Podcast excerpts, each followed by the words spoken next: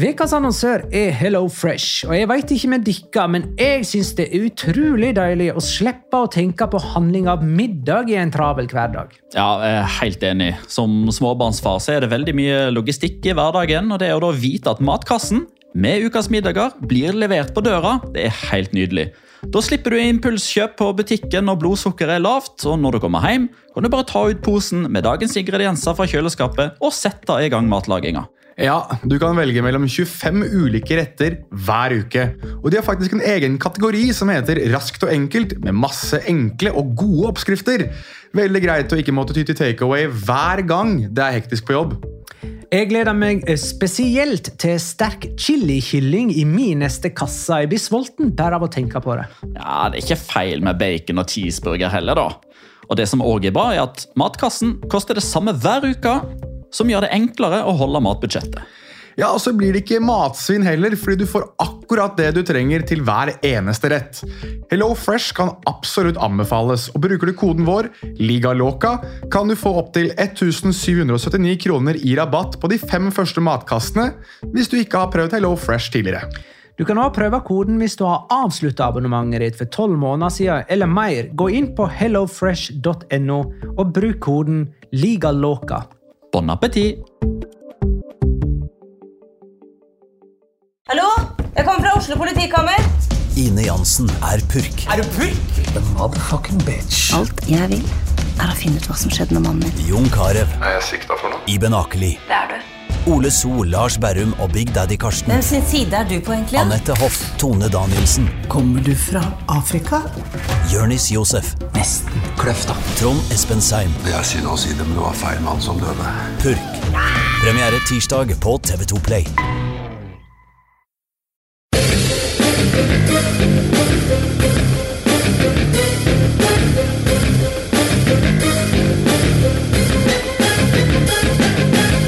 Har du sett? Wanda Metropolitano viste all sin mektige prakt under Derby Madrileño lørdag kveld, og spillerne leverte like storslagent med opptil flere vellykka pasninger og et par skikkelige halvsjanser. Til helga venter et nytt toppoppgjør når Real Madrid får besøk av tittelutfordrer Granada. La liga loca. En litt gærnere fotball. Ja, ja, ja. Dette er La Liga Loca episode nummer 85 av det ordinære slaget med Jonas Giæver. Hei. Shalom alaikum. Petter Wæland. Hei. Hallo. Og Magnar Kvalvik. Hei. Hei, Magnar. Hei. Vi har mye vi skal gå igjennom, så vi må gå eh, rett på sak. Det har vært to runder siden sist vi var i studio. Vi kan eh, først og fremst ta for oss den siste, og så spe på litt med det som skjedde i midtvekerunden, sånn eh, der det passa seg. Uh, den siste, den sjuende runden, uh, starta med Villarreal Real Betis 5-1 fredag kveld. Casorla har skåra i tre strake kamper. Gerard Moreno brøt spiller spillerforbannelsen og er toppskårer alene i La Liga nå med seks mål. Og Villarreal er mestskårende lag i La Liga med 18 på sju eh, oppgjør. Verden er tilbake i vater. Er han det? Jeg føler det nå han er ute. For meg så, for meg så er det Vi har forskjellige oppfattelser av det der. Det tror jeg våre lyttere har fått med seg. Real Betis på sin side klamrer seg fast til nedrykksstrid med nebb og klør. Ja Vi skulle ha dvela en dag ved Betis. Vi får gjøre det når det passer. Første kamp eh, lørdag var Atletic Valencia 0-1. Cheriche ble matchvinner for Valencia, som altså står med to strake borteseire på Stamford Bridge og San Mames. Dette var for øvrig deres første seier på nye San Mames. Og det var i sin tid den første seieren på Stamford Bridge. Ja, det er jeg òg. Mens hjemme så har de altså to uavgjort på rad mot Leganes og Getafe. Det er besynderlige Valencia. Jeg så eh, Celades ble kåra til rundens trener i Marka. Hvem har drukket maling i denne redaksjonen der, da? Atletic hadde 17 strake hjemmekamper uten tap før dette nederlaget. Så var det en spesiell eh, VAR-situasjon i den kampen. Skal vi ta det? Kom, igjen. Ja, altså, det er jo eh, merkverdig, da. At ikke Du, du tenker vel på den Marco Korea-situasjonen, gjør du ikke det? Nei, for Nei, han spiller ikke for Atletic eller Valencia. ja, Valencia. du, ja, vi er på den kampen. Ja, det er iallfall Valencia er involvert i to. Sterk start, Jonas. Sa, altså, det har vært to runder, det har skjedd mye. Jeg, har, jeg er fortsatt free forbanna for den andre situasjonen. Men nå holder vi oss til Atletic.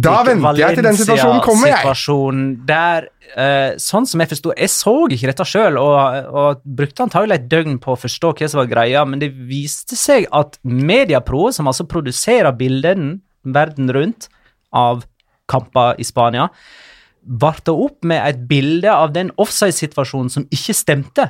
Var ikke det sånn? Ja, det er i alle fall en uh, Altså, dette her er jo barnehagekrangel versjon 3.0 mellom uh, det spanske fotballforbundet og alle som ikke er det spanske fotballforbundet. Altså Robiales og kompani er jo i krig med absolutt alle. Uh, og La Liga har jo skrevet avtale med Hawkeye, som nå er den som produserer VAR for eh, La Liga, mens Mediapro produserer bildene, som sagt. Eh, og Mediapro var jo de som forrige sesong eh, hadde rettighetene til VAR. Eh, så Mediapro har jo da gått fra å være de som produserer både bilder og VAR, til nå å være til å være bare de som produserer bilder, men de har jo òg redskapene til å produsere VAR. Altså disse stipla linjene, offside, gul og rød strek og blå strek og rød strek og uh, alt dette her. Eh, og det som skjer, eh, er jo at man eh, får denne VAR-situasjonen der Cherichev blir spilt gjennom. Nei, Nei, Maxi Gomez, Maxi Gomez. eh, blir spilt opp. Dette er oppbyggingen til det angrepet som Ja. blir mål, der det målet til slutt blir godkjent på en hårfin sånn offside-situasjon. Ja.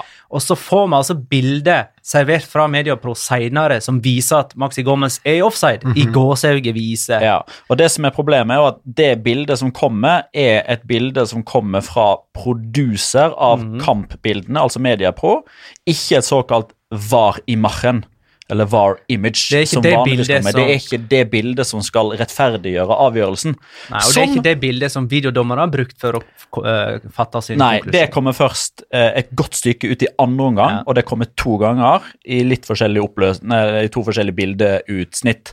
Så ut ifra VAR-bildene så ser det ut som at Maxi Gomez er onside, og at avgjørelsen har blitt gjort riktig, men da har jo folk allerede i ca. tre kvarter blitt servert et bilde der man sådde tvil om denne VAR-avgjørelsen var riktig eller ikke. Eh, og sånn fortsetter da Og da, krangelen. da er det ganske bråkete nå, sånn Det er veldig- det, det er mellom det spanske nå. fotballforbundet og Mediapro. Ja. Der det, Det trues med rettergang ganske sterke og- anklager. Ja. Eh, Det er det. Eh, Fordi at sånne bilder medfører jo konspirasjonsteorier. Ja.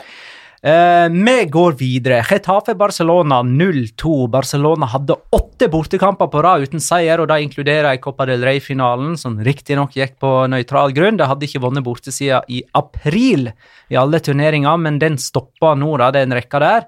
Eh, blant annet ved hjelp av målgivende pasning fra Ter Stegen til Luis Suárez. Eh, Junior Firpo skåra dessuten sitt første Barcelona-mål, mens eh, Longley ble utvist og sona karantene mot gamleklubben Sevilla kommende helg.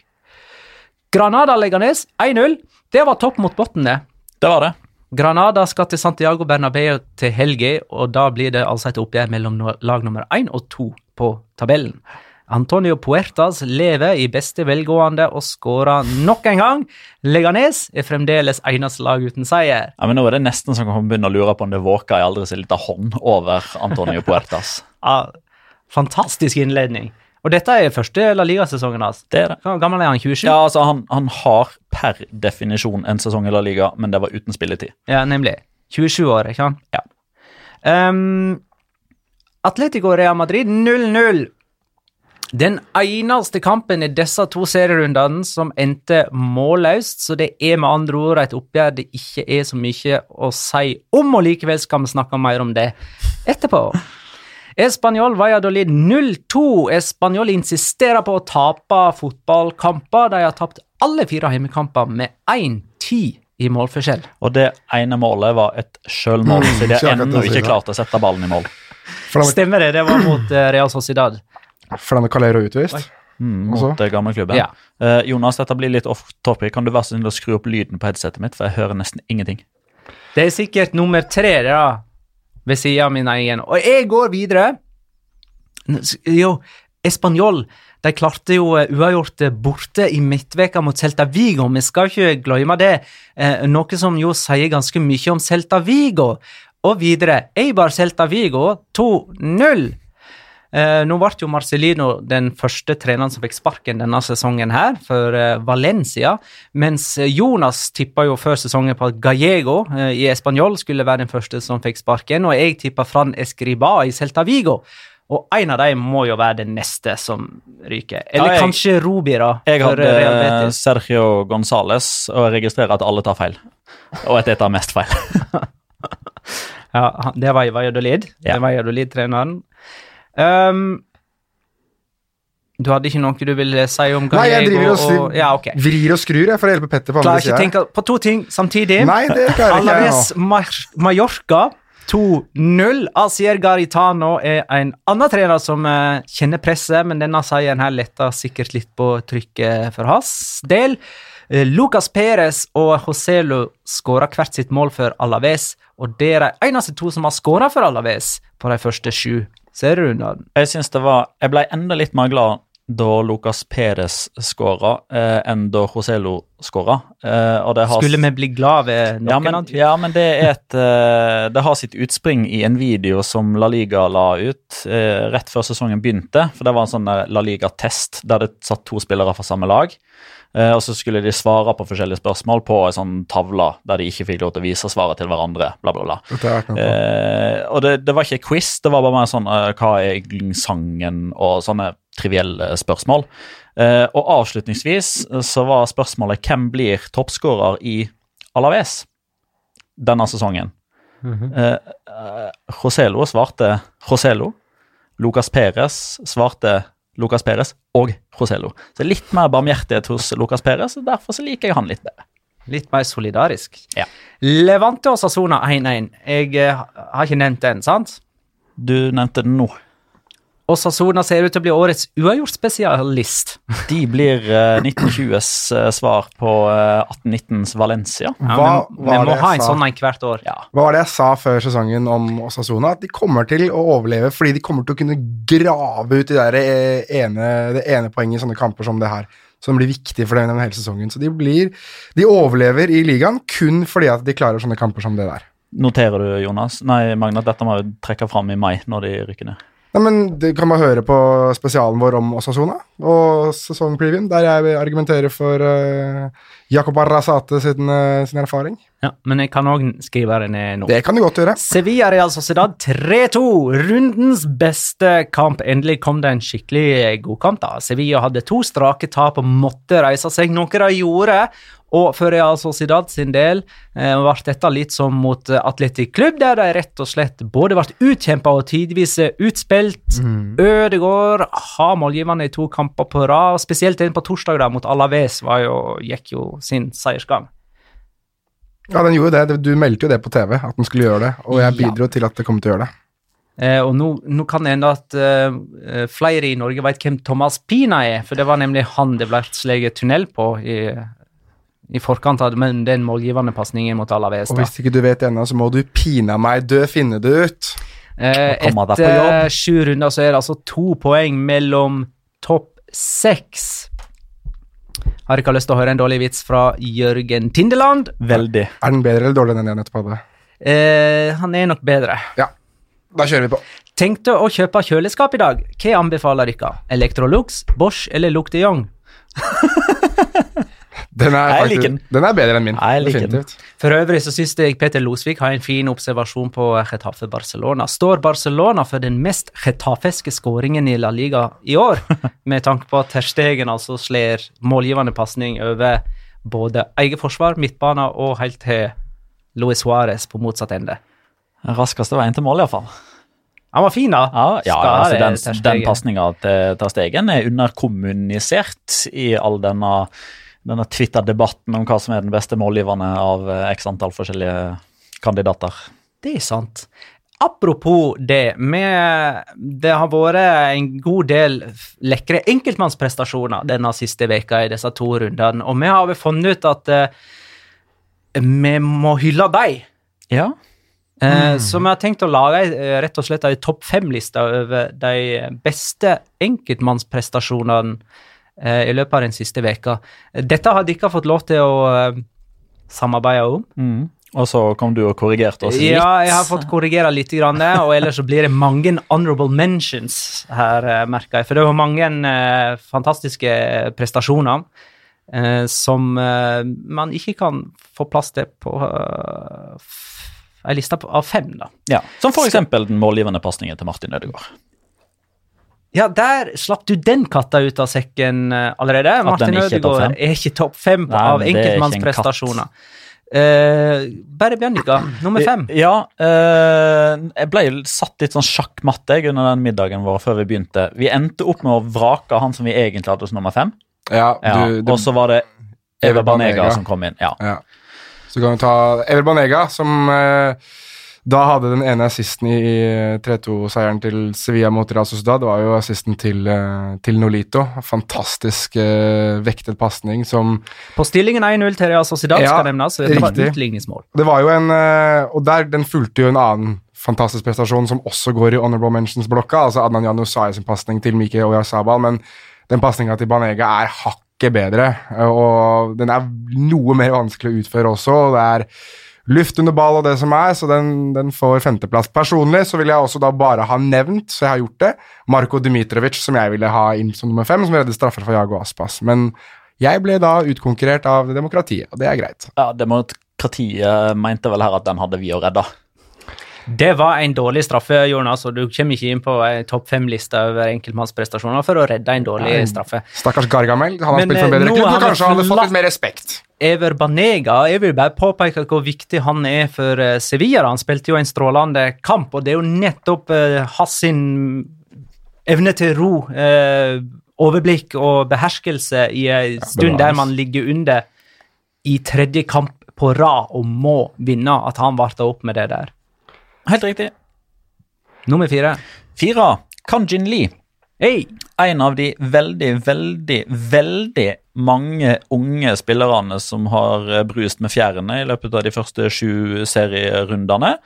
Eh, nå skal vi jo tilbake igjen til runde seks, altså midtukerunden.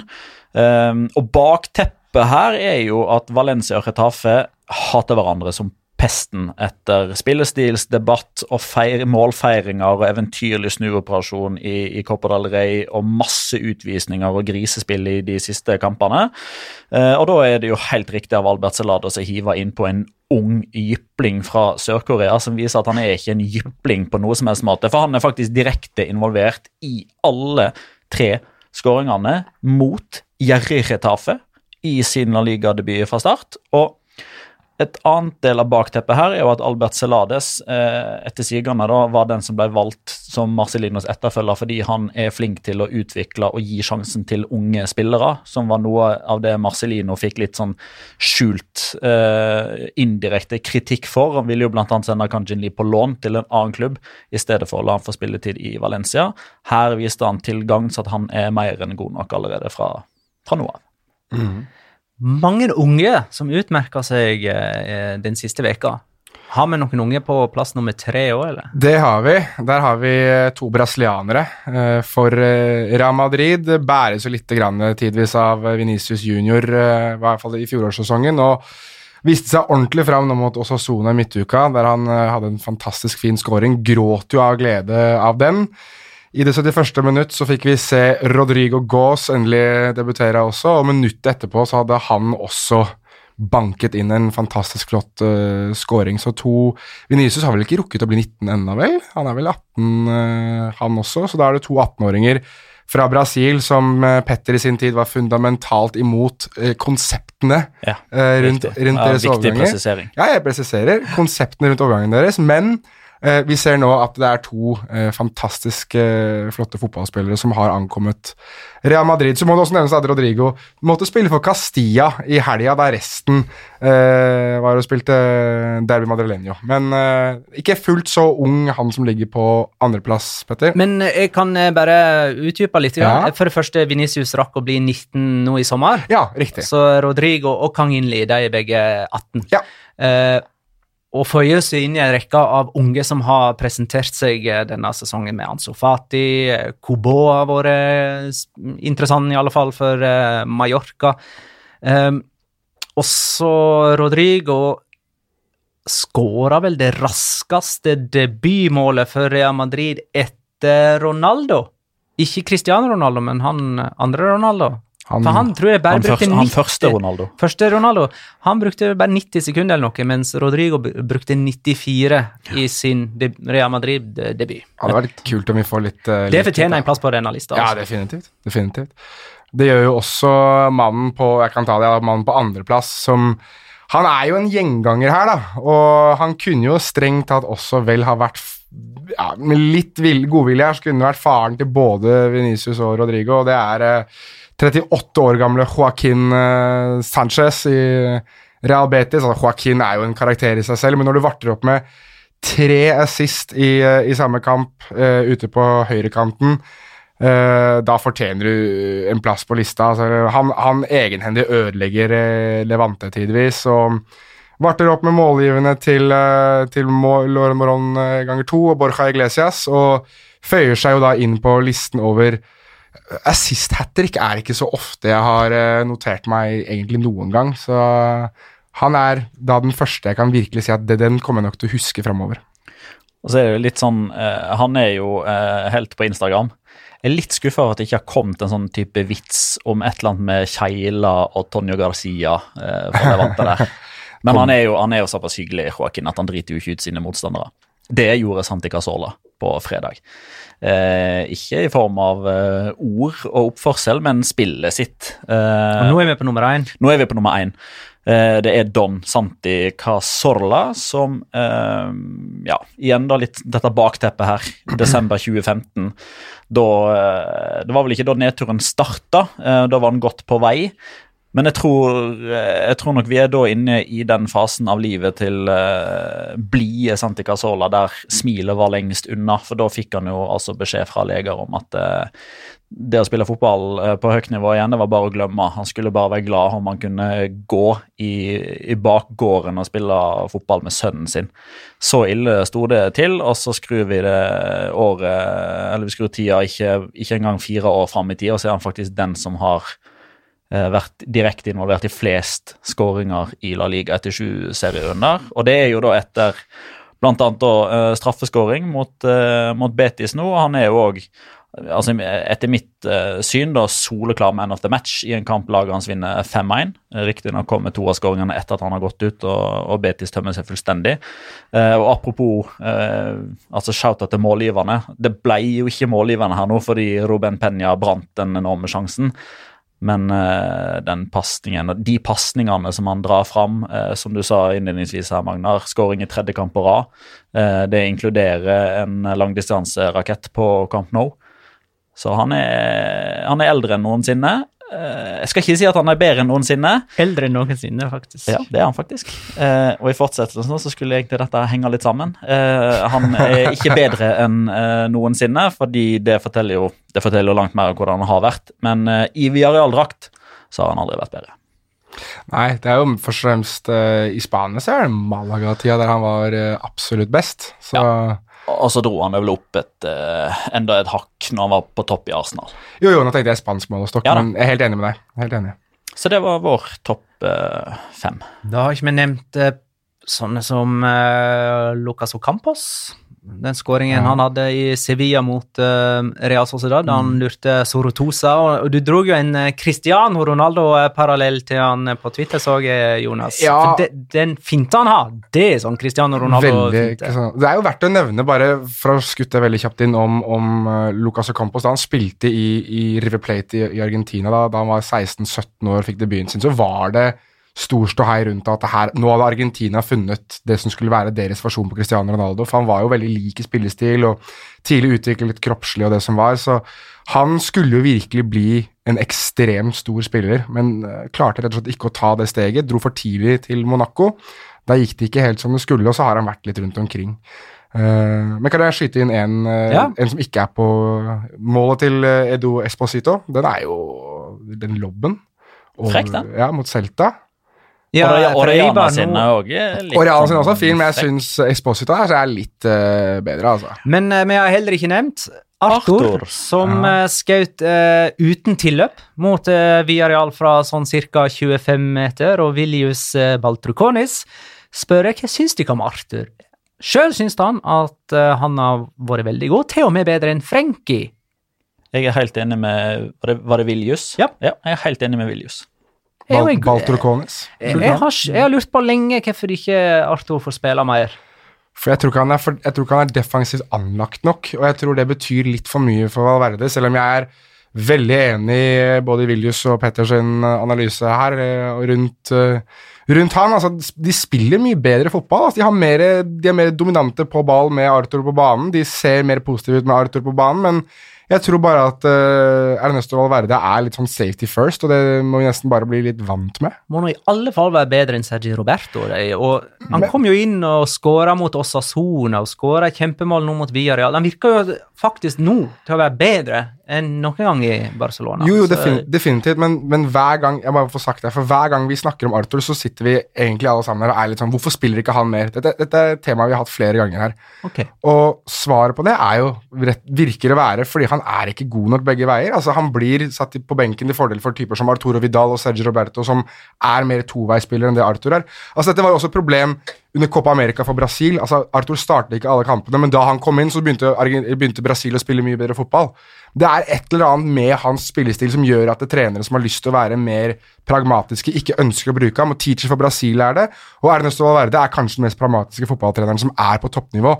Så tydeligvis er det noe man har analysert seg fram til at han kommer ikke til å ta det defensive ansvaret du må i toppfotballen.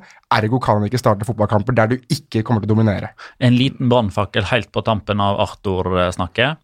Jeg spår en utvisning på han. Uh, type rullegardin i løpet av sesongen. Han, han har det i seg. At At når, han blir, når, når, når han blir kakka litt på leggen eh, Hvis han blir dytta litt for mye altså Jeg har lagt merke til det sånn to-tre ganger nå med sånn småspark og skubbing i etterkant. I, I situasjoner der det har gått litt trått, hvis de kanskje ligger under og frustrasjonen får tatt litt, eh, litt overhånd, direkte rødt kort og tre-fire kamper. Greit. Jeg noterer det. Så må vi nesten eh, snakke om eh, den kampen det er minst å si om. Eh, Det ble 0-0 i Madrid-derby på Wanda Metropolitano. Seks av de siste ni seriekampene mellom Atletico og Real Madrid har enda uavgjort, og for tredje sesong på rad enda i alle fall ett Madrid-derby med 0-0. Altså, for det første, har de blitt så fryktelig redd hverandre at de ikke våga noe som helst? Paradoksalt nok, det var ingen festfotball, men det var kun én partei på banen. Jeg lurer på om det, vi skal begynne å kalle han for party, eller altså party, for jeg tror det er sånn det skal uttales, ikke partei. Selv om det skrives sånn. Ja, jeg tror kanskje du er riktig, men jeg syns uansett en partei høres mye kulere ut. Men, men, jo, eh, jeg skjønner godt. Men men, jeg satt og tenkte litt over det, eh, og var igjen da, dette eh, begrepet jeg liker å bruke, djevelens advokat. Altså, Zidane ønsker ikke å tape fotballkamper, fordi det har, brent litt rundt føttene hans. og storkamp, Siste storkamp han, han trente, var mot Paris Saint-Germain, der han ble pissa på. Greit nok, Sevilla vant han, men uansett, dette var en veldig stor, viktig kamp hva angår prestisje. Eh, For Simione sin del så ville han ikke miste kontakt med toppen, og eh, det virket som lagene var satt opp deretter. Valverde eksempel, på banen i en sånn kamp for å være safety first hele veien. Eh, Simione virket ikke som han ønsket å ta noen særlige sjanser uansett. Altså det var, De skulle spille på kontringsfotballen først. Verken Azar eller Bale fikk noe særlig eh, ut på Altså fikk ikke noe rom ut på kantene. Det var, virket som det var to trenere som hadde innstilt seg på at de var mer redd for å tape enn at de ønsket å vinne, og da ble det en kjedelig kamp der egentlig ingen turte å ta noen spesielle sjanser. Altså Zidane gjorde ikke noe offensive grep sånn egentlig før Luka Jovic ble byttet inn på, og da tok han jo ut Benzema. Så, så um, dette virket som to lag og to trenere som tenker at så tidlig i sesongen så er det viktig å ikke miste kontakt med toppen, ergo klarer de seg begge to med ett poeng, ergo blir det 0-0. For å ta Real Madrid først, da, så syns jeg vi har sett en veldig veldig tydelig endring i, i Litt i dynamikken, men eh, litt òg i spillestilen. Og jeg husker jeg satt i Champions League-studio etter tremålstapet mot eh, PSG og sa at de, de, har jo ikke noe som helst form for risikovurdering. Mm -hmm. eh, da kom de nettopp fra den 3-2-seieren mot Levante, da de leda 3-0 og holdt på å gi alt fra seg fordi de veit ikke å, å spille på resultat. Det virker som at de har endra noe voldsomt etter den 3-0-kampen i Paris. At det, at det, tapet kanskje var en såkalt blessing in disguise. Eh, fordi det tapet kommer ikke til å ha noe praktisk betydning. Ja, Kanskje blir de nummer to istedenfor nummer én, men de går videre i en gruppe med Klubb Brygge og Galatasaray. Så det tapet i seg sjøl det, det, har ikke noe betydning etter det.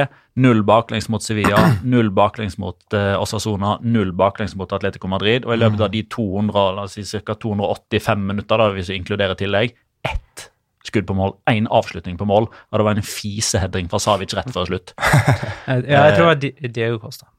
Men det, det er noe ja, okay, akademisk ja. interesse. Sorry. Ja.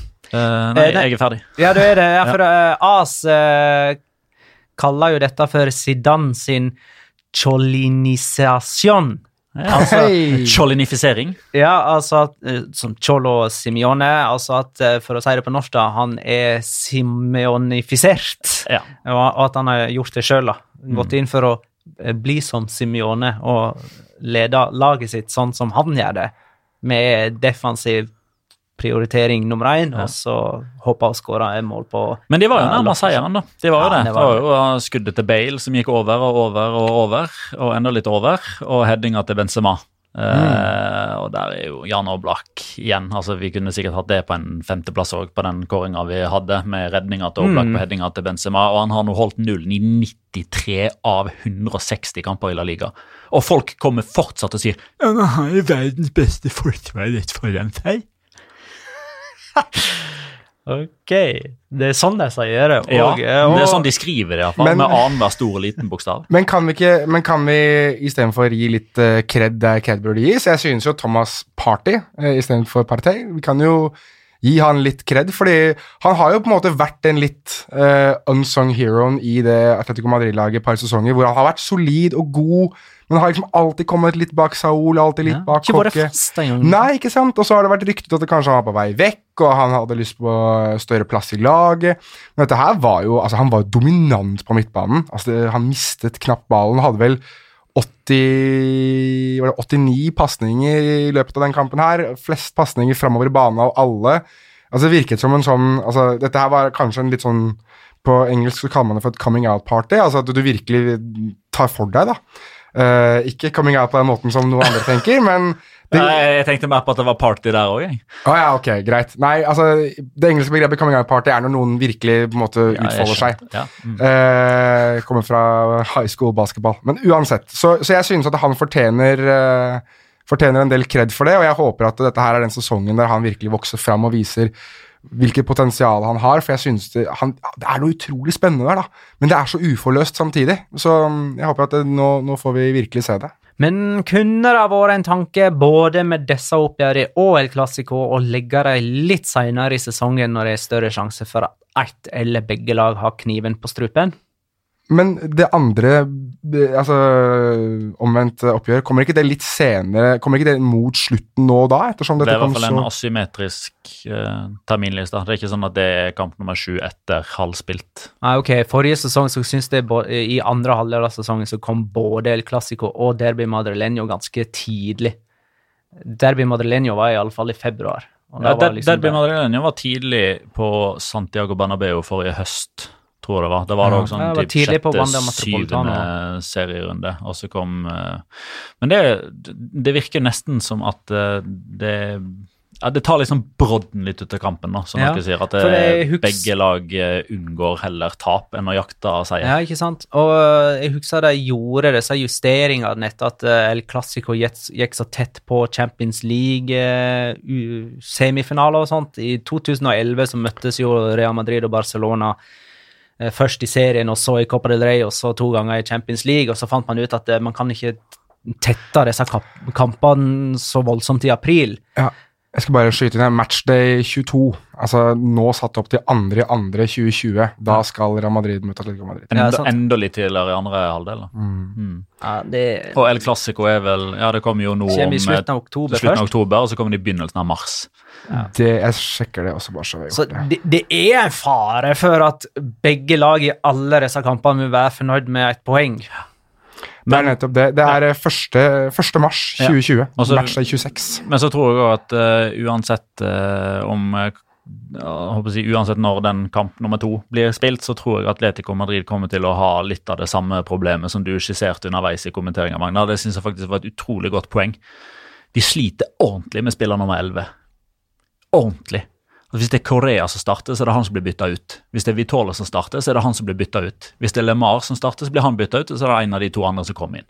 Og så er det ingen som egentlig hever laget verken når de starter eller kommer inn. Og jeg tenker sånn at det, er, at det ikke er noe konsekvent uh, Nei, at du, uansett, altså, du, du, har, du har ti kjempegode spillere. Du har en keeper, du har to backer, du har to stoppere, du har to sentrale midtbanespillere og to spisser. Og så Kåke, som som regel starter bredt ute til høyre, eller Saul som starter bredt, ute til venstre. Og så er det enten Vitolo, Korea eller LeMar som kompletterer elveren, og ingen av de klarer å gjøre noe som helst. Som legger merke til at de ofte også bytter ut bekken sin og flytter Saul ned, og så er det liksom det, Ja, nei, jeg vet ikke. Jeg Ja, på har de backup på venstre bekk, eller? Dette, Det er jo i utgangspunktet Mario Hermoso som kan være mannen Eh, som går han var ut. ikke i men, troppen, eh, nei, han var ikke i troppen, nei. Eh, Men jeg, jeg syns det var helt riv ruskende gærent å ta ut Renan Loddi. Jeg, ja, det skjønte jeg jeg syns han har vært kjempegod. Sette altså Saul ned som venstre bekk.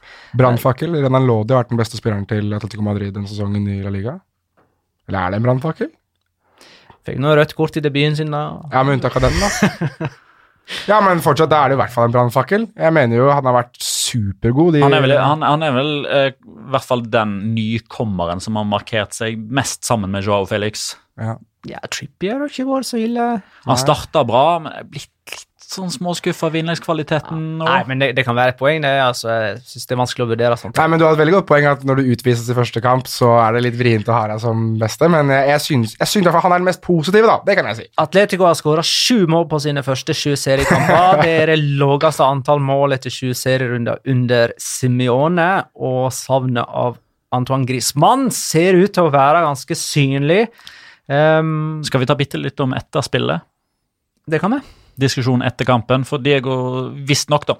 Eh, eh, Dette var det vel Cardena Ser som rapporterte underveis i sin live-dekning av kampen, i pausen, om at eh, Diego Simione hadde vært ekstra clean kokos eh, mot slutten av førsteomgangen eh, fordi han hadde hørt Sergio Ramos rope 'la puta que te parió' til eh, linjedommeren etter en avgjørelse som han ikke var eh, enig om. Og oversatt så er jo det altså hora som ga deg liv, altså som fødte deg.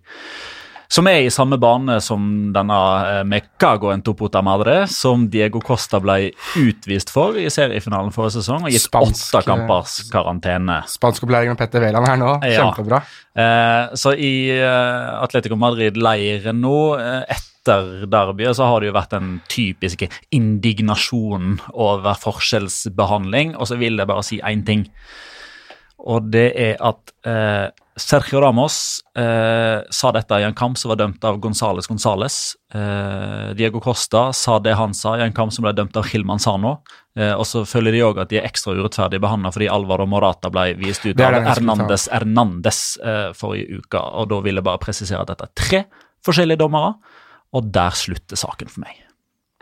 Jeg skulle ta opp den med Morata, jeg også, for der har det også vært en del polemikk. Hva som egentlig ble sagt av Salva Sevilla. Salva Sevilla, selvfølgelig. Som eh, selv sier at han kalte Morata for en pappagutt, mens eh, Morata selv mener at det har vært noe snakk om kone og unger og det som er. Som ikke akkurat er veldig koselig. Og Morata var jo så forbanna at han holdt på å ta eh, likevel mot Salva Sevilla også i presse, eller mixed zone etter kampen og litt sånn. Det var jo ganske hett der i etterkant.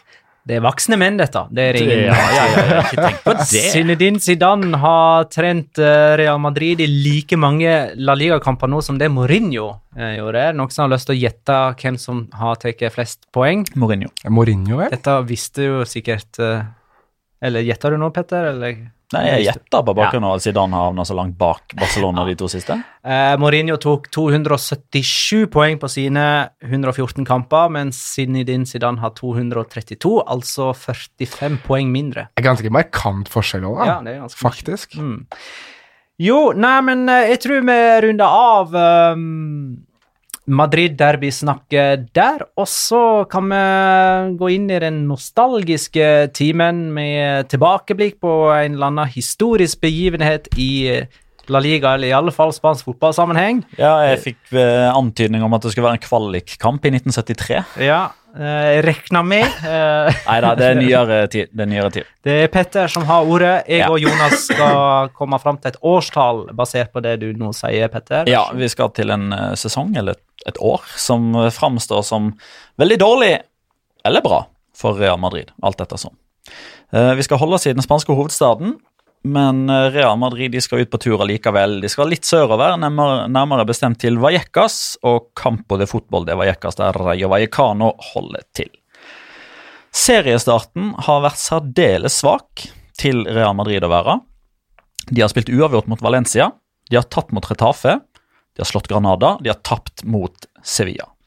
I femte serierunde så skal de igjen ut i et byderby mot et Rayo Vallecano-mannskap som på det tidspunktet da hadde tatt tre poeng mer enn Real Madrid. Dermed så hadde det vært en mildt sagt turbulent oppladning til kampen, og det var nesten noe billedlig poetisk over at en av Atlanterhavets septemberstormer hadde tatt turen langt inn over det spanske fastlandet og helt inn til Madrid. Det blåste, det regna, det torna, og det lynte, som en ekstra påminnelse om at det var Rayo som var neste utfordring. Og Kampen den skulle egentlig starta 21.30 denne søndagskvelden, men ca. en time i forveien så ble det meldt at uværet kunne sørge for at kampen ble utsatt. Flomlysene på Vajekas fungerte akkurat som blinklysene i den der svenske vitsen. Verkar, verkar inte, verkar, verkar inte. Og skylda ble raskt lagt på været, lyn og torden. Men etter hvert så ble det klart at det var ikke moder jord som var skylda i uh, denne flomlyssvikten, men snarere ei gruppe med Rayo-supportere som i løpet av hele uka inn mot kampen hadde protestert mot Rayo-styrets avgjørelse om å kalle lokaloppgjøret mot Real Madrid for en såkalt Dia del Club, som innebar at alle sesongkortinnehavere allikevel måtte betale 25 euro for å se kampen, til tross for at de allerede hadde betalt for dette gjennom å kjøpe et sesongkort. Så da gikk det bilder over hele verden av søndagknuste og snaukklipte ledninger inn til og ut fra et sikringsskap, og det hele endte med at kampen måtte utsettes til dagen derpå. Real Madrid vant 2-0 etter skåringer av Karim Benzema og Cristiano Ronaldo, hvilket betyr at denne kampen ble spilt en eller annen gang mellom 2009 og 2018. Men når da? Jeg skulle kommentere den kampen som eh, ja, da han egentlig skulle gå. Eh, og så satt jeg jo der og prata ganske lenge eh, og ja, hva det heter Gå rundt grauten eller et eller annet sånt for å holde liv i sendingen, og så ble kampen til slutt avlyst. Og så husker jeg at dagen etter, når kampen skulle spilles, så gikk det ganske lang tid før man avgjorde kamptidspunktet. Det var liksom Han kan hende han begynner klokka sju, kanskje klokka åtte, kanskje klokka ni. Det stemmer, for utgangspunktet til det spanske fotballforbundet var klokka fem. Men da hadde, var det faktisk Rayo-trener Paco Remes som sa nei. Fordi dette var en arbeiderklasseklubb. Da jobber vi. Da spiller vi ikke fotball. Herlig. Alltid Nei, jeg, jeg, sånn som jeg husker det, så var Real Madrid eh, regjerende mester og hadde starta dårlig på Mourinho sin siste sesong. Jeg, jeg, husker, Det som skulle bli hans siste sesong. jeg husker da dette skjedde, fordi da satt jeg og så dette ikke på den mest lovlige måten i eh, studentboligen min i, eh, i England. Um, så det må ha vært en gang mellom 2012 og 2013, da. Nei, 2012 og Jo, det må, jeg tror det er 2012-2013-sesongen, fordi jeg husker jeg bodde i dorm da. Da tror jeg vi landa på 2012, da, gitt. Jeg mener det er 2012? Ja, for dette var tidlig i sesongen. Dette var Ja, det når må være runde nummer 2012, fem. da. Ja, 2012. Svar avgitt. Svar riktig! Yay! High five. Det er den første, jobba, første jeg og du, og Jonas, har rett. Nå er jeg to av to, jeg. På, jeg hadde... to på rad. To av to. Jeg, Du er ikke to av to. tids- Tidsregninga begynner fra forrige uke! Ok? Vi regner ikke det som skjedde før det. Før og etter Kristus. Helt riktig. Ja. Litt sånn Noriega-ish over det her nå. ikke sant? Gud i himmelen og Jonas på bakken. Ferdig. Greit. Nå går vi videre til en uh, tweet vi har fått. tweet vi har fått. tweet, tweet! Fra Mikael Austad, uh, som skriver Jonas skrev om, om det å få Ansofati inn på det spanske landslaget slik at han ikke kan spille for andre land. Er dette kynisk? Er det smart? Har det skjedd mange ganger at en spiller spiller én kamp for så å ikke spille mer? Dette dreier seg altså om eh, landslagssjef for Spania, Robert Moreno, som vurderer å ta fortsatt 16 år gamle Ansu Fati med i landslagstroppen til Spania mot Norge og Sverige denne måneden. To uker til det. At uh, Norge tar imot Spania på uh, Ullevål. uh, og da blir jo jeg, jeg tenker, Mitt spørsmål er er Ansu Fati den beste spanjolen i gåsehauget i sin posisjon. Han har jo mulighet til å spille for Guinea-Bissau, Portugal og altså Spania. Ja. Eh, for å ta det første først. Han er jo en av de som er i form, da.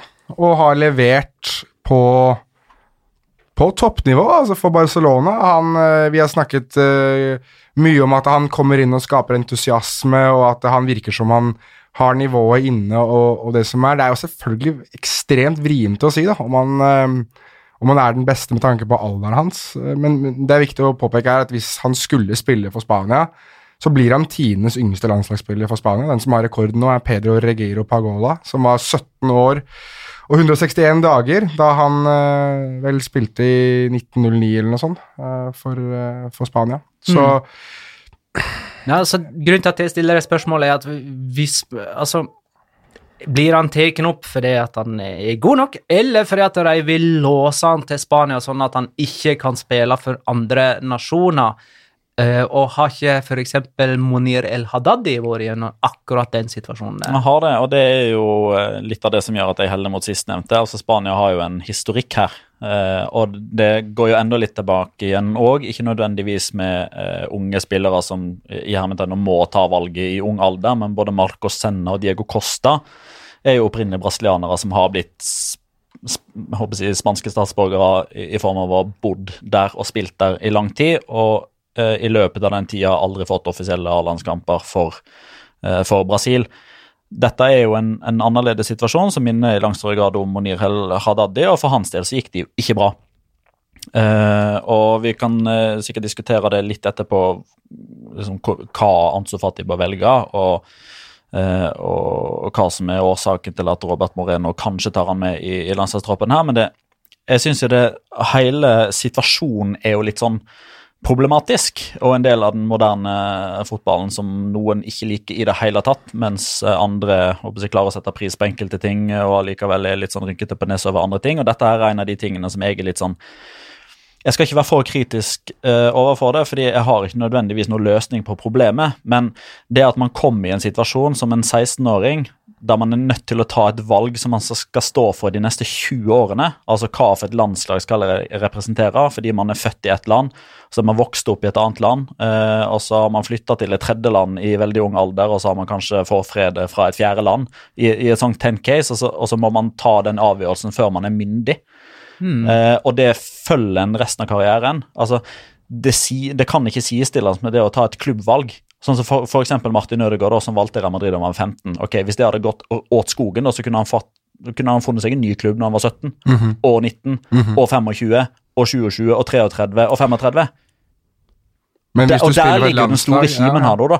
Hvis Ansofati debuterer for Spania mot Norge eller Sverige som 16-åring, så må han representere Spania til han ikke lenger spiller fotball. Fordi det er, et, det er også viktig å påpeke at for det er en tellende landskamp. ikke sant? Det er jo en Fifa-kamp, ikke en privatlandskamp. Hadde det vært en privatlandskamp, så hadde det vært enkelt å ikke måtte spille for det landslaget resten av, uh, av livet. Bra, altså Dio Costa spilte for Brasil, f.eks., og kunne bytte over til Spania. Ja, fordi Han spilte bare, bare treningskamper. Det var ikke VM-kvalik eller Copa America eller VM. Nettopp. Nei, altså det, det jeg tenker er, er eh, For å ta det, det ene spørsmålet, om det, om det her har skjedd før, og det er der jeg på en måte reagerer, fordi Monir Heladadi, eh, som eh, er Altså, han, er, han er vel, har vel marokkanske foreldre, men er vel født i Spania. Han fikk jo tre minutter på tampen av en VM-kvalifiseringskamp under Vicente del Bosque, da han var litt i Ansu Fati sine sko og gjorde det veldig veldig bra for Barcelona. Og det er vel også de eneste minuttene han har fått for det spanske landslaget. Og han ønsket sist sommer å representere fedrenes hjemland, Marokko, i VM. Eh, leverte inn søknad og ønsket virkelig å, å, å spille for, for, det marokkanske landslaget. Fikk avslag på det fordi han hadde valgt å spille for Spania den gang han var 17 år gammel. Og da er vi tilbake igjen til dette Petter snakker om, det at når du er så ung og skal ta et så viktig valg i livet ditt La oss nå si at Ansu Fati ikke blir en sånn eh, verdensklasse, verdens uh, world beater-spiller, da, og ikke får spille for det spanske landslaget. Kanskje han hadde lyst til å spille for Guinea-Bissau, da, hvis han uh, ender opp med å spille for Metz eller noe sånt i Frankrike i løpet av karrieren sin. Men det kan han jo ikke da, for da har han spilt de to og et halvt minuttene på tampene av en 3-0-seier mot Norge på Ullevål. Da, altså, du har jo på sett og vis ødelagt landslagskarrieren til en spiller som potensielt sett kunne hatt landslagsarenaen som, en fin, som, et, som et fint utstillingsvindu i løpet av sin karriere, men det er jo da ødelagt. Så jeg synes, det, jeg synes, det, er noe tarvelig over det at man skal velge det såpass tidlig i karrieren sin. Jeg synes det er noe tarvelig over hele den debatten som har pågått nå i spansk media rundt om de klarer å gi han statsborgerskap tidsnok til å kunne spille både U17, VM og Han har fått det. Ja, han har rukket det, men det har vært en debatt som pågikk fram til mm, han fikk det. Ja. Og det at faren hans har vært ute og snakket om at det var hans drøm, og han trodde også at det var sønnens drøm å spille for Portugal, og at det er enkelte også som mener at ettersom han er opprinnelig fra Guinea-Bissau, så burde han spille for Guinea-Bissau. Det syns jeg er helt tullete. Men at det, er, at det, er, en debatt rundt hva en 16-åring burde velge på landslagsnivå, hvilket land han føler mest tilhørighet til altså det, da, da, begynner, da, begynner, vi å nå et sånn nivå uh, på diskusjon og moral i fotball at det, det, det er på grensa til forkastelig. Uh, fordi det er helt riktig som Petter sier, at hvis du, hvis du ikke liker klubben din som, som 21-åring, så kan du bytte den, men du kan ikke bytte det landslaget du representerer, og det landslaget du føler mest tilhørighet til. Men der er vi jo tilbake til en annen liksom, kime. altså Landslag er jo landslag, så for, for de aller fleste så er jo liksom de har ett valg. Mm -hmm. Eller de har ikke noe valg. Altså De er født i det landet, de er vokst opp i det landet, de er fra det landet, de har det passet, de spiller for det landslaget. Men så har du disse andre tilfellene der man har Eh, kanskje mor fra det ene landet, og så har man far fra et, eh, fra et annet land, og så er man født i et tredje land. Eh, og så har man disse altså, Og her òg er det jo altså Marokko har jo enormt med en, en, sånn problemstilling. Sveits har det, Kroatia har Nederland. det, Nederland har det, Frankrike har det. Det er veldig utbredt i hele verden at man eh, I Norge kan representere mange Ja, i, no i, Norge så har det jo òg vært det, med Bersan Selina, ja. med Berisha-brødrene. Og, og, NFF virker å ha en ganske klar policy på at man tar ikke opp folk på landslaget med mindre de er gode nok eh, der og da. Og har lyst til å spille for landslaget. Altså, det er jo også det som er Men jeg har også hørt spillere som har sagt rett ut altså off record, holder si, da, som har sagt at jeg vil ikke spille for det landslaget, jeg vil spille for det landslaget fordi det er et bedre utstillingsvindu for meg. Men det er viktig, syns jeg, å påpeke at om f.eks. Anso Fati sier nei til å være med på denne landskampen, eller disse landskampene, så har ikke han sagt nei til å være med på Spania. Han har bare sagt nei til å ikke, å være med på akkurat dette mm. å ta valget akkurat nå. Altså, så han har jo ikke avvist noen. så Sjøl så står han jo med det endelige valget, og han trenger faktisk ikke å ta det akkurat nå. Om Svaret får vi på fredag, om han ja. blir tatt ut eller ikke. Kan ja. jeg bare få det, eh, Nå blir det sånn live-rapportering underveis. Det blir ikke en søy, for det er ikke en eh, overgang. Men jeg vil bare ha kommentaren deres på følgende tweet som nettopp kom fra FC Barcelona. Okay. Offisielle FC Barcelona. Det er et bilde av Messi med skjegg. If Messi had a band, he would be the lead goaterist. Ja. Gidder du å gå videre, Magna? Dette, ja, men dette er jo deres humor. Nei, det her Nei, er det... ja, Da har du bomma. At du har bomma hvis du tror det der er vår humor. Jeg trodde dere likte sånt. Nei, all den der goat-debatten den skal du få drit billig av meg. Og jeg er uh... Det er ikke en goat-debatt. Dette var et ordspill, og dere liker ordspill. Ja, men jeg liker ikke go to Vi liker gode typer. Ja. ja. Mm. No party, da no party. er det tid for rundens spiller, og det er du, Jonas, som har ansvaret for å levere en uh, litterær sjanger av uh, høy kvalitet. um, vil du ha musikk? Ja, men skal jeg kanskje si noe om, uh, om dette før jeg mm. begynner? Altså, for vi har jo, Løft en finger når du vil ha musikk, da. Det skal jeg gjøre. Uh, vi har jo diskutert uh, at vi skal ha ulike sjangere osv. Dette her er en slags hyllest til en tidligere sjanger som har blitt brukt her. Okay. Så da kan du egentlig, når du er klar Hyllest til en tidligere Ja, sjanger. ja, eventuelt så kan du bare si at du skal gjøre sånn som en av oss har gjort tidligere. En forhenværende sjanger. kan ikke, du, kan ikke du heller bare la det være en hyllest? Nå skal jeg nyte. Nå skal jeg nyte. Ok, her kommer det. Her, Takk. Ny sesong, men jeg er fortsatt den samme. Ny sesong, men her står jeg fjellstøtt. Jeg ser døden i hvite i 90 minutter, og selv er jeg motstanderens største skrekk. Men hvem er det som egentlig bryr seg? År inn og år ut har jeg vært en bauta for mitt lag, det sikreste kortet på hånda. Jeg har demmet opp for mine medspilleres feil, og svært sjelden gjør jeg noen selv. Dere sammenlignet meg med han spanske fjotten med dårlig skjegg i Manchester. Og han som hadde tronen før meg, ja, han driver og tudler til for seg selv hver eneste uke på andre siden av Madrid. Jeg har knust de begge. Men meg? meg? Nei, meg snakker dere ikke om. For jeg er bare her, jeg er resultatet av et maskineri fra et land du knapt har hørt om. Jeg spiller ikke store internasjonale mesterskap. Jeg har ikke et sexy navn, jeg snakker ikke i overskrifter. Jeg oppfører meg ikke som en kødd for å få vilja mi, og jeg trenger ikke å vise meg fram. Jeg er bare her, jeg. Men jeg er også bedre enn resten. Jeg er produktet av naturkreftene. Jeg er lynet, jeg er torden, jeg er soloppgangen og jeg er solnedgangen. Jeg er den som gir deg håp, men samtidig tar vekk alt. Jeg er spansk fotballs gigant, jeg er et monster, men hvem er det som egentlig bryr seg? Og vet dere hva, jeg hater smultringer. Jeg hater små jævla deigklumper spunnet i sirkler, drysset i melis og sjokoladetrekk. Jeg hater rene bur, jeg hater rotter, jeg hater mus, og jeg hater hamstere. Jeg hater at disse forbindes med alt jeg gjør for å trollbinde dere. Jeg hater at mine bragder, min storhet, nedverdiges. At man bagatelliserer de 90 minutter der jeg ydmyker og ødelegger troen til din favorittspiller. Der jeg gang etter gang hvisker et stille 'nå passer han' til Aligas giftigste spillere. For i Barcelona applauderes keepere for målgivende pasninger. Og på Santiago Bernabeu skal det koste skjorta for å være verdt noe som helst. Jeg hater verdenslag, jeg hater Ballon d'Or-kåringer, jeg hater det best. Jeg hater alle disse idiotiske popularitetskonkurransene. Disse vinner jeg aldri uansett. Men hvem faen er det som egentlig bryr seg? Vet dere hva? Det gjør faen ikke jeg. For jeg Jeg er Jan Oblak! Det var Jan Oblak der, Det var Jan altså. Oblak. Jeg veit ikke om noen noen gang har kåra en eh, rundespiller med såpass innlevelse. Nei, jeg Det var med hjertet, Det var med hjertet. og fra hjertet, ikke minst. Ja, men jeg, jeg tenkte også eh, lite grann eh, Det var jo en ode til din eh, Novella? novelle og din in, inn, eh, altså innlevelse av hvordan det var å være Gerard Moreno.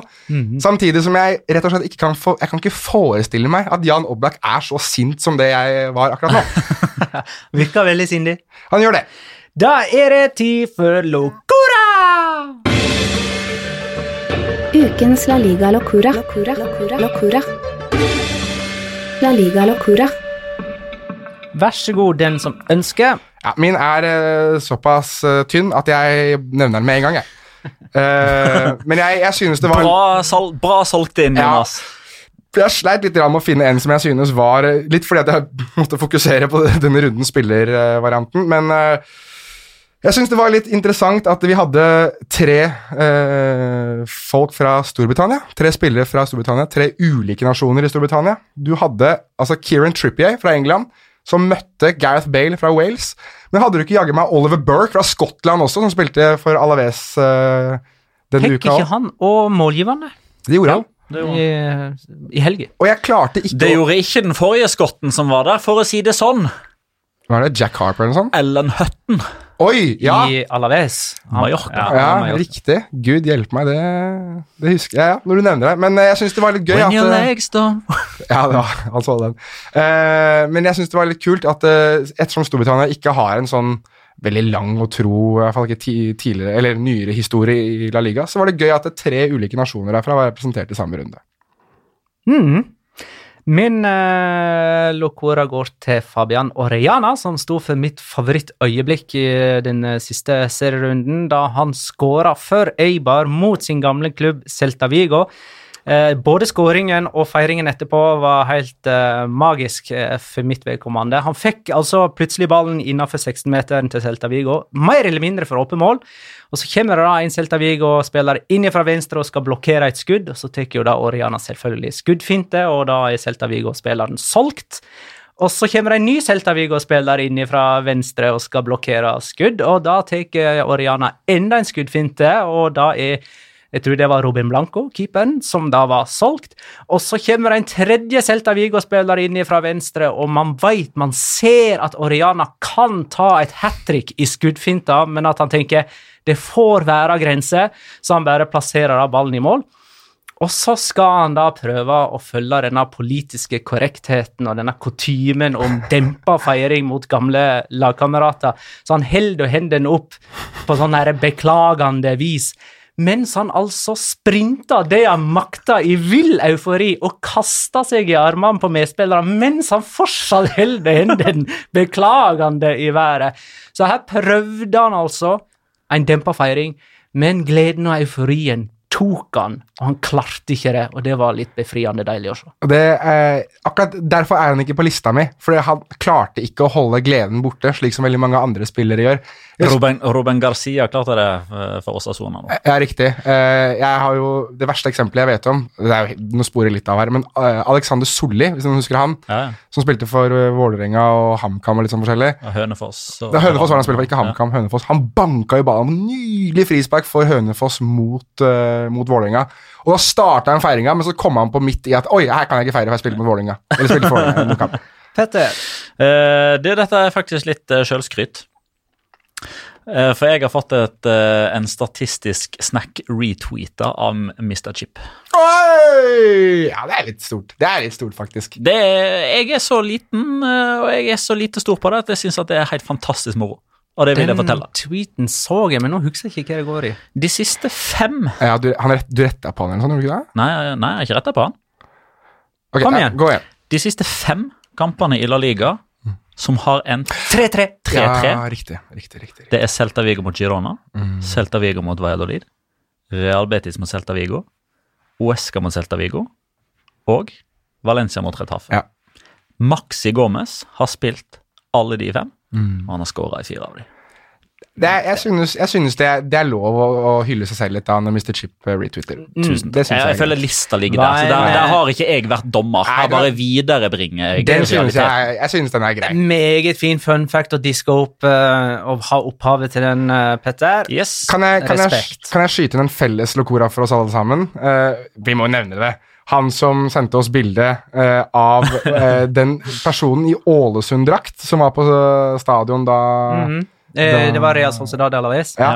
Jeg husker ikke, Beklager at jeg ikke husker brukernavnet på vedkommende, men han sendte oss eh, det bildet, og jeg holdt på å dø av latter. Det, det var jo samtidig vel som eh, Ålesund spilte mot Viking, så han lurer på om han kanskje satt og streama det på NRK mens han var på stadion.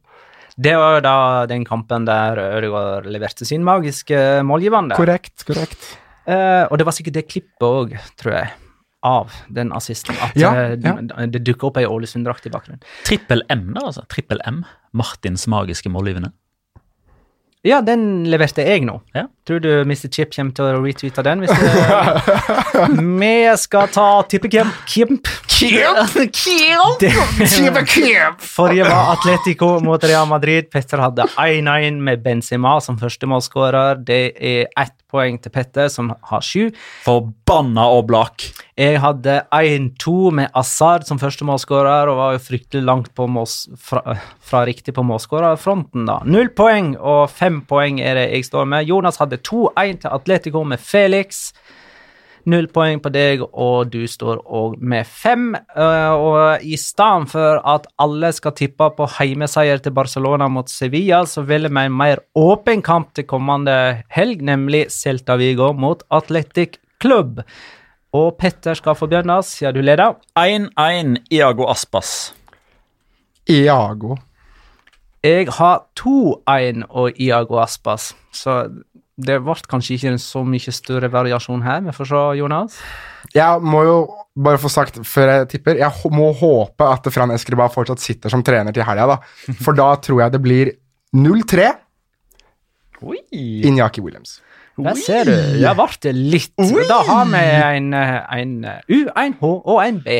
Sånn skal det være. Jeg En håper men, men, hvis, men hvis Fran Escribá får sparken, så er jeg mer med dere. Men det kan jeg ikke si nå.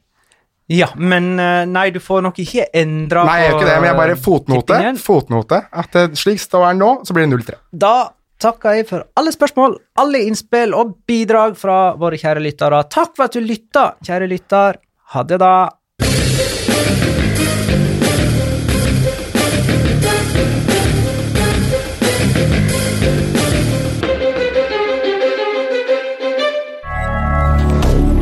Moderne media. Har du et enkeltpersonforetak eller en liten bedrift? Da er du sikkert lei av å høre meg snakke om hvor enkelt det er med kvitteringer og bilag i fiken, så vi eh, gir oss her, vi. Fordi vi liker enkelt. Fiken superenkelt regnskap.